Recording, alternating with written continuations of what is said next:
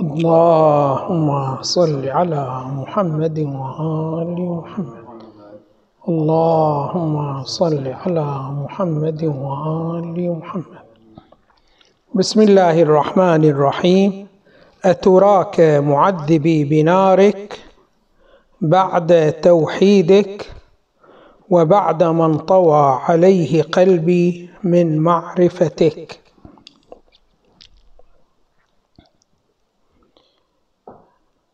من الأمور المهمة جدا التي يجب علينا أن نلتفت لها حين قراءتنا إلى الدعاء.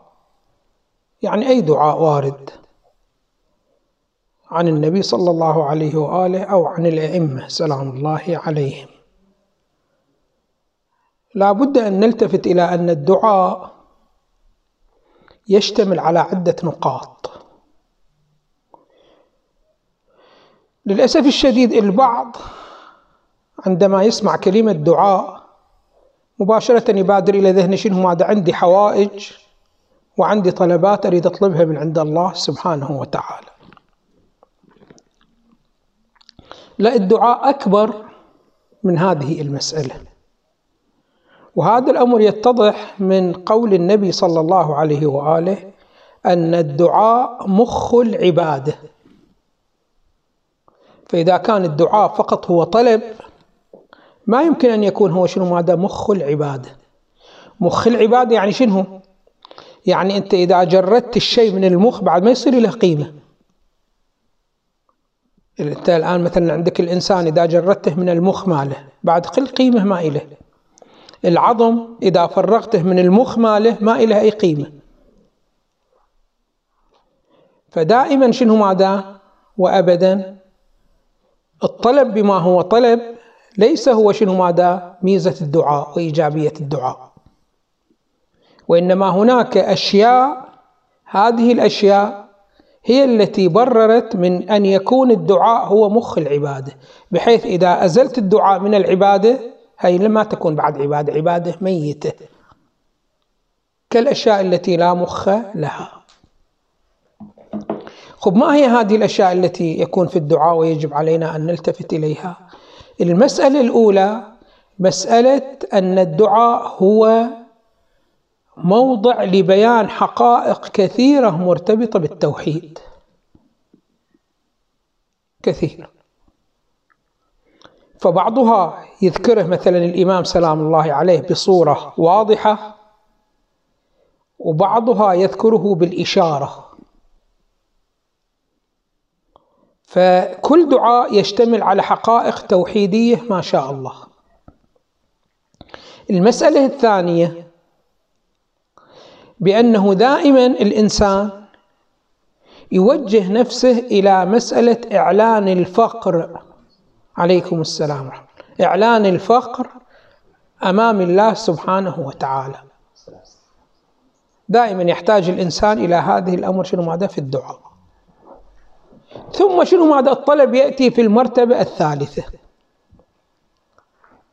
فلذلك شنو ماذا؟ المطلب الأول هي الحقائق التوحيدية الموجودة في الدعاء. المطلب الثاني هو إعلان الفقر والاحتياج. ومن الأمور المهمة جدا جدا أن الإنسان عندما الله سبحانه وتعالى مثلا طلب من عنده وظيفة شرعية من الوظائف الشرعية مثلا قال له صلي. صوم حج البيت. البعض يظن بأنه أنا إذا حجيت البيت وإذا صمت وسويت كل الوظائف الشرعية. عند ذلك شنو ماذا يكون لي حق على الله سبحانه وتعالى؟ والله سبحانه وتعالى ملزم بأن يحقق هذا الشيء لي. وهو شنو ماذا أن يعطيني الجنة. والله سبحانه وتعالى لو لم يعطيني الجنة يوم القيامة راح يكون مدان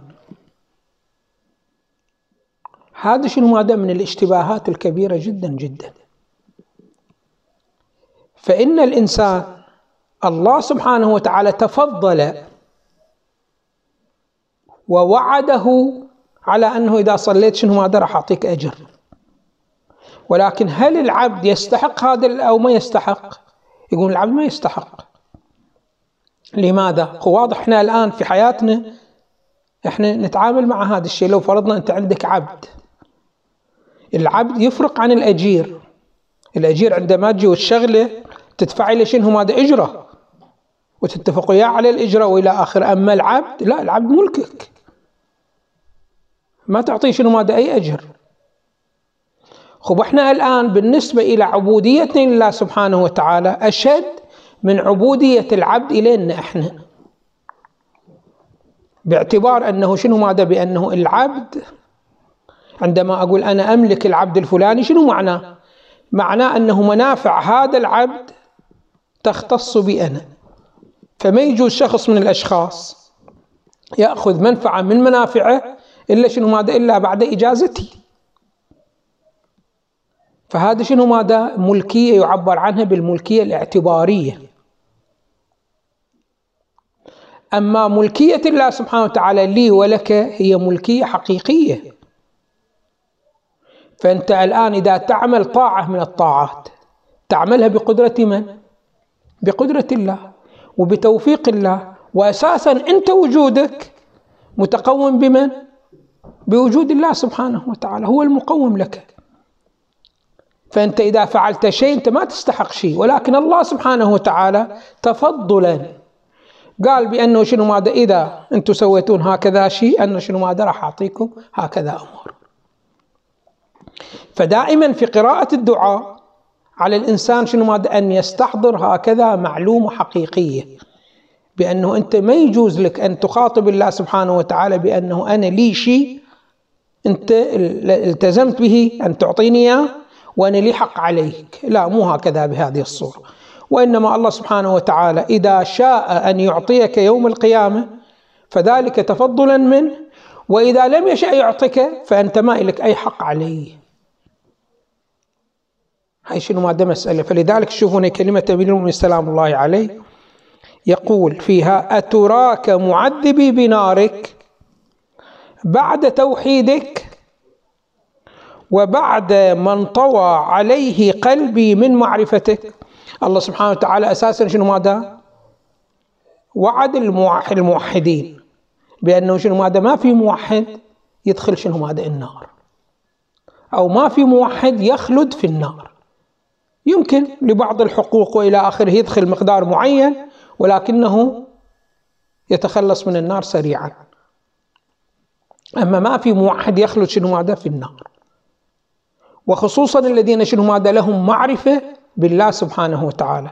وهنا الإمام سلام الله عليه يفرض أن الإنسان شنو ماذا بعد توحيدك. يعني أنا موحد لك. وأيضا قلبي قد انطوى على معرفتك. فكيف تدخلني في النار؟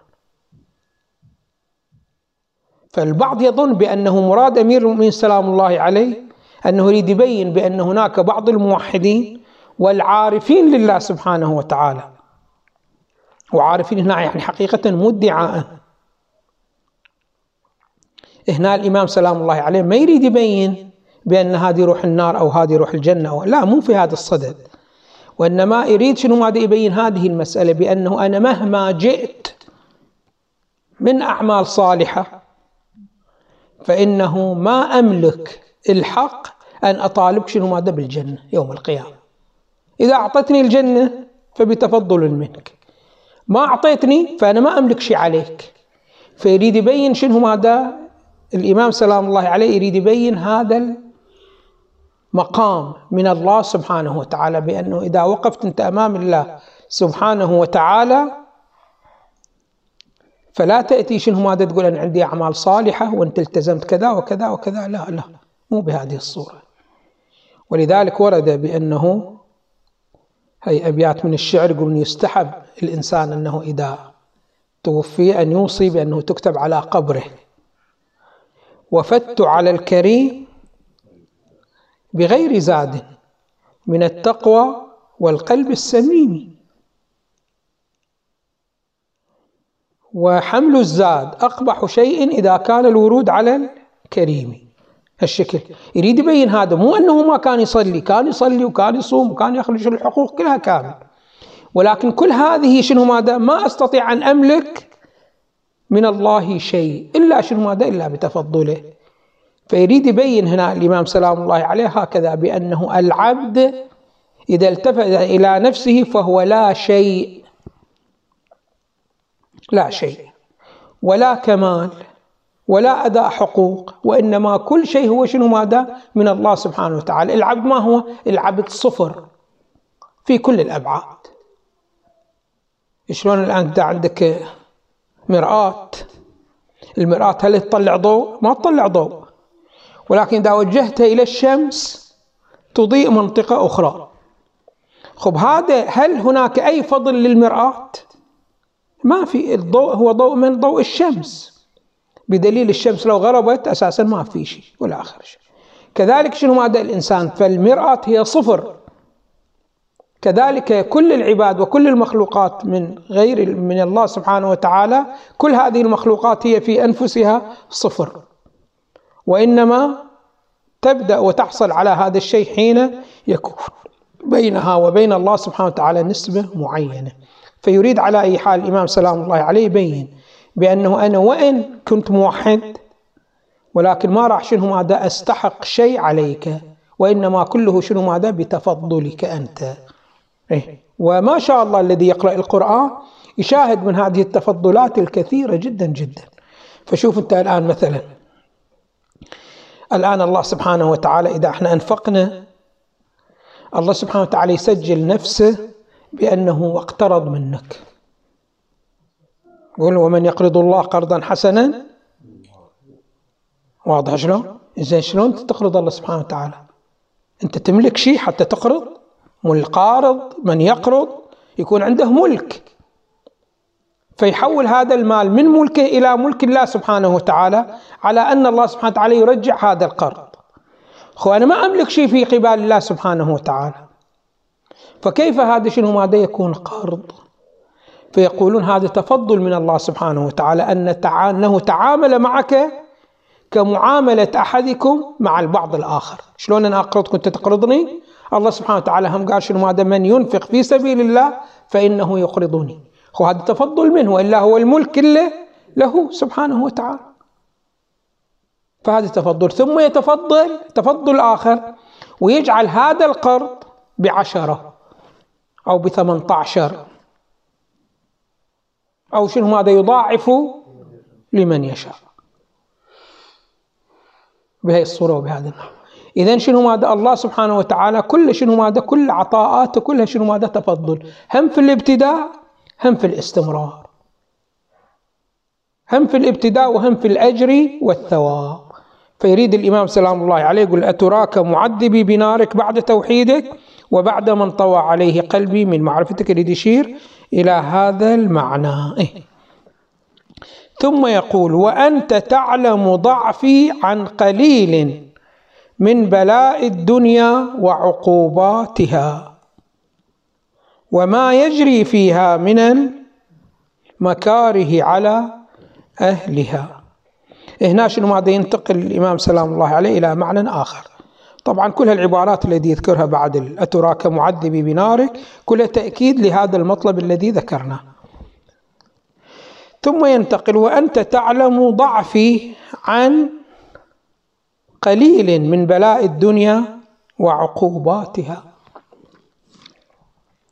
يخاطب الله سبحانه وتعالى يقول له أنت قدرتك هي شنو ماذا؟ لا محدودة. وقدرتي أنا على التحمل أيضا هي لا محدودة في الطرف النازل. لماذا؟ لأنها هي راجعة إلى الصفر. فأنا إذا بتحمل أي شيء من الأشياء إنما هو شنو؟ ماذا؟ بإعطاء من الله سبحانه وتعالى. لأنه أنت إذا رفعت الله عني أنا صفر. فمعناه أنه شنو؟ ماذا؟ لا تحمل لي شنو؟ ماذا؟ من الأساس. إذا أنا تحملت كل شنو؟ ماذا؟ بفضلك. مع ذلك أنا شنو ماذا؟ ما أستطيع شنو ماذا؟ أن أتحمل. يقول له شنو ماذا؟ هكذا. وأنت تعلم ضعفي عن قليل من بلاء الدنيا وعقوباتها. إحنا شنو ماذا؟ أقل شيء يصيدنا شنو ماذا في الدنيا من بلاء؟ تشوفنا نروح لمستشفى وأدوية وإلى آخره. وهو شنو ماذا؟ جدا قليل. فما بالك شنو ماذا؟ بالعذاب اللي الله سبحانه وتعالى يهيئه شنو ماذا؟ إلى الناس. من هو يستطيع أن يتحمله. الإمام الصادق يسألونه يقول له ما هي النسبة بين هذه النار التي هي موجودة في الدنيا ونار الآخرة؟ الإمام ماذا يقول؟ يقول شوفوا هذه نار الآخرة الله سبحانه وتعالى غسلها بالماء سبعين مرة حتى صارت هي الدنيا نار الدنيا. يعني نزلها سبعين منزل. حتى صارت شنو ماذا نار الدنيا. خب في أحد منا يحتمل نار الدنيا؟ ما يحتمل نار الدنيا. فكيف شنو ماذا بنار الآخرة فإذا هذا الإنسان عندما يذنب يريد الإمام سلام الله عليه يبين إلي بأنه أنا عندما أذنب مو تحدي لك يا ربي. كيف؟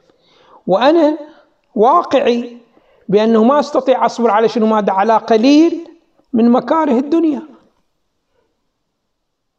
فكيف يمكن لي أن أصبر على عذابك اللي أنت هيأت إلى شنو ماذا؟ إلى المذنبين.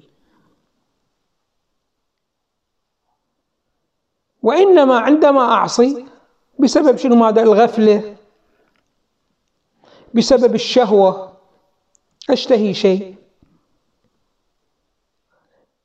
وما أستطيع شنو ماذا أن أحارب هذا المشتهى؟ أو شنو ماذا أغفل عن حقيقة من الحقائق؟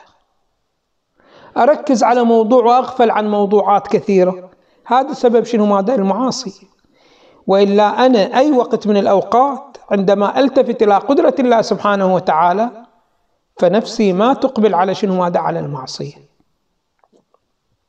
فيريد يبين بأنه أنا عندما أعصيك ليس من باب التحدي من باب التقصير والقصور. وإلا أنا الذي لا أستطيع أن أصبر على قليل من مكاره الدنيا. فكيف لي أن أصبر على شنو ماذا على عذابك قطعا شنو ماذا؟ الإقدام على هكذا مئة في المئة. فكيف شنو ماذا أقدم عليها؟ فيقول سلام الله عليه وأنت تعلم ضعفي عن قليل من بلاء الدنيا وعقوباتها وما يجري فيها من المكاره على أهلها. وأنتم الآن تعرفون تشوفون إحنا في هذه الأيام هذه الآن. هذا الفيروس. واضح شلون؟ إيه؟ المسجد يوم عن يوم شنو ما يقل الحضور ماله؟ أسأل القيم أقول له شو السالفة؟ قال لي الجماعة بين محجور وبين مصاب. إيه. قلت له هذا فيروس. قال أحد الأخوان لا وبعد ما ينشاف بالعين. وإحنا ما نستطيع شنو هذا أن نتحمله. ما نصبر.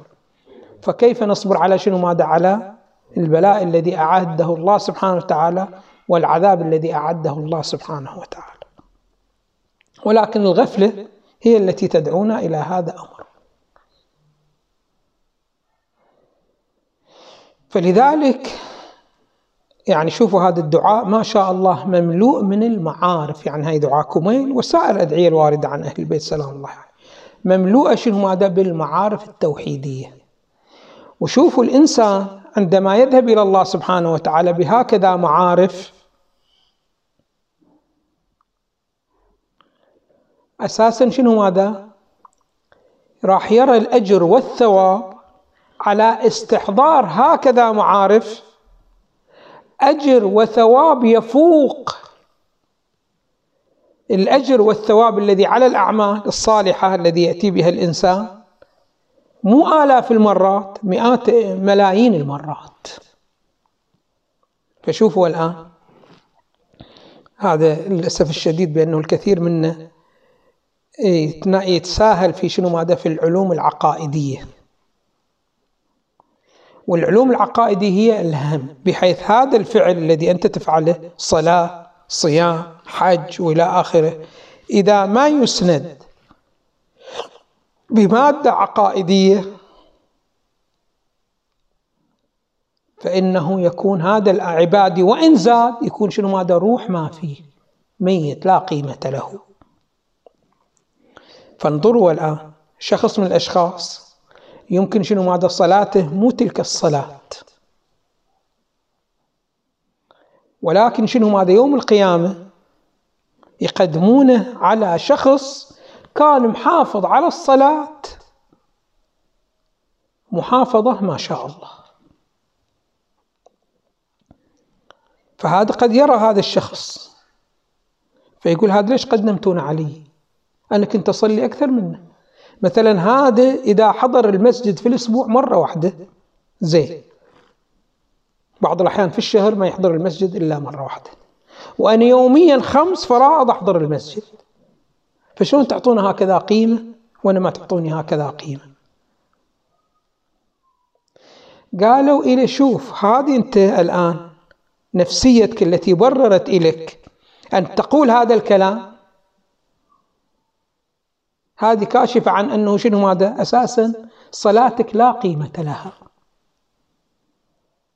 لماذا؟ لأنه أنت ترى بأن هذه صلاتك تلزم الله سبحانه وتعالى بأنه شنو ماذا؟ يعطيك هكذا شيء. فقاعد تطالب به أنت.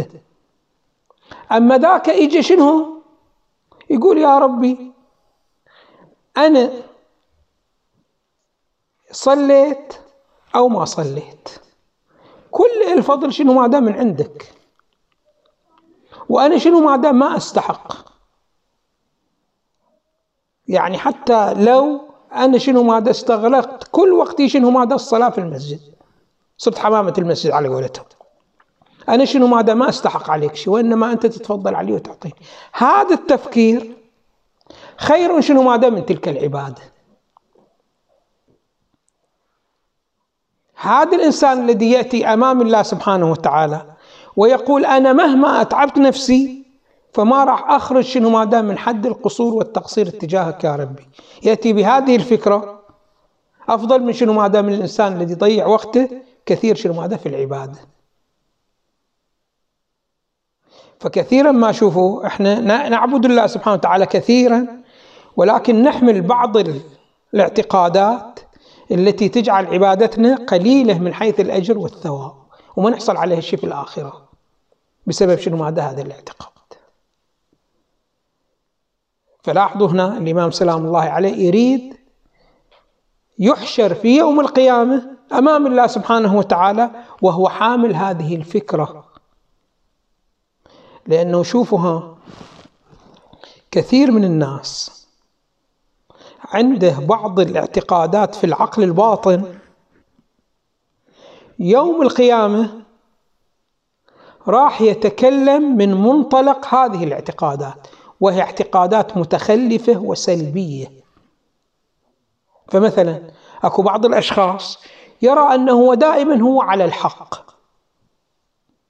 وغيره على الباطل وما يفرق بين غيره أن يكون مؤمن أو يكون نبي أو يكون الله سبحانه وتعالى. هكذا دائما. أكو بعض الناس بهي الصورة. شوفوا أنتونا الآن أكو بعض الأشخاص يعيش على الكرة الأرضية وكأنه وحده هو الذي يعيش على الكرة الأرضية. مثلا شوفوا أنتونا الآن. هاي شخص من الأشخاص. يمشي في السيارة. وهو شنو ماذا يتكلم في التليفون؟ هذا شنو ماذا؟ يحمل إحساس في نفسه بأنه هل الشارع في أحد يزاحم على الشارع أو لا؟ ما في أحد يزاحم على الشارع. الشارع لي ومال أبوي أنا فقط وحدي. فلذلك تشوفون تصيرون الحوادث هاي الحوادث كلها بسبب شنو؟ بسبب هاي بالتليفون. يفكر نفسه الشارع بس إله هو. هكذا. هاي من عقله الباطن يدفع إلى هذا الأمر. أو بعض الأشخاص. مثلا شنو ماذا؟ جاي يريد يأخذ طفل إلى المدرسة يودي أو إلى الروضة. يقوم يشير لك الهرم ويزعج الفريق كله. هذا شنو يفكر؟ يفكر بس أنا اللي أعيش على الكرة الأرضية. هذا الذي شنو ماذا بيقرأ؟ مجلس على الإمام الحسين سلام الله عليه أو شيء وهكذا يحط له ميكروفونات ويزعج لك الكل. اللي عنده مريض اللي عنده طفل يريد ينام اللي جاي من الشغل تعبان يريد اللي عنده درس كلهم ما لهم قيمة. بس أنا لي أنا القيمة. هذه يفكر نفسه شنو؟ يعيش وحده على الكرة الأرضية. هذا عندها الإحساس. هذه يوم القيامة أيضا شنو ماذا يريد هناك؟ هم كل شيء يمشي على هواه هو. هذا شنو ماذا يربي هي الخلفيات في نفسيته وبعدين شنو ماذا ينطلق منها؟ بيصروا بهذه الطريقة. هنا أمير من سلام الله عليه لا يريد شنو ماذا هي الحقائق الكونية والحقائق التوحيدية يريد شنو ماذا يستحضرها شنو ماذا في الدعاء. ويقف أمام الله سبحانه وتعالى بهذه الأمور. فيقول له أنا لو جيت بالصلاة جيت بالتوحيد جيت بمعرفتك أنا شنو ماذا ما أملك عليك شيء. وإنما أنت كل تفضل في تفضل. فلو تدخلني النار ما لي أن أعترض. فإنه حقك هذا وأنا شنو ماذا عبد ما أملك شيء. للأسف الشديد كثير منا يوم القيامة راح شنو ماذا يكون؟ لسانه خلاف هذا الأمر. لماذا؟ لأنه شوفوا في الآخرة خطورة الآخرة كيف تكون؟ كلامك مع الله سبحانه وتعالى ما يبتني على التفكير. هاي التفكير هي مرتبط بالدنيا أنه تفكر وتصيغ المقدمات وتوصل شنو ماذا إلى النتائج هي كلها وينه؟ في الدنيا. أما في الآخرة ما موجود كله تتكلم شنو ماذا؟ بمرتكزات عقلك الباطن. فشنو أنت عندك من ملكات؟ أنت راح تتكلم على ضوء الملكات اللي موجودة عندك. فلذلك على الإنسان دائما أن يلتفت إلى ملكاته وصفاته الراسخة بالنفس. ليش هي مسألة التواضع مطلوبة؟ ليش مراد لك يوم القيامة أن شنو ماذا تكون متواضع؟ لأنه اللي ما يعلم نفسه على التواضع في الدنيا ويكون سجية من سجاياه وملكة راسخة في قلبه يوم القيامة ما راح يتواضع فراح يحشر ماذا يستكبر. ويستكبر هناك شنو ماذا؟ بعد ما يفرق بين الله سبحانه وتعالى وبين شنو ماذا الملائكة وبين إخوانه المؤمنين. الاستكبار على الكل. والذي يعتاد الكذب هنا في حياته هناك شنو ماذا أيضا يعتاد الكذب في حياته؟ هناك الأخرى في الآخرة. وهكذا الإنسان الذي يرتبط بالأسباب ويطمئن للأسباب هناك راح يطالب شنو ماذا بالأسباب. فيأتيه النداء بأنه أنا الله وكل شيء بيدي اطلبي من عندي ما يعتبر هذا النداء جدي. وإنما يبحث عن الأسباب الذي فارقها بالدنيا لأنه راح بهذه الملكة وبهذه الصفة الراسخة. فلذلك يكون خاسر هناك يوم القيامة. فعلينا أن نلتفت من هذه الأمور على هذه الأمور. نلتفت لهذه الأمور حتى شنو ما نروح الآخرة بها فنكون من الفائزين. والحمد لله رب العالمين وصلى الله على محمد وآله الطيبين الطاهرين. اللهم صل على محمد وآل محمد.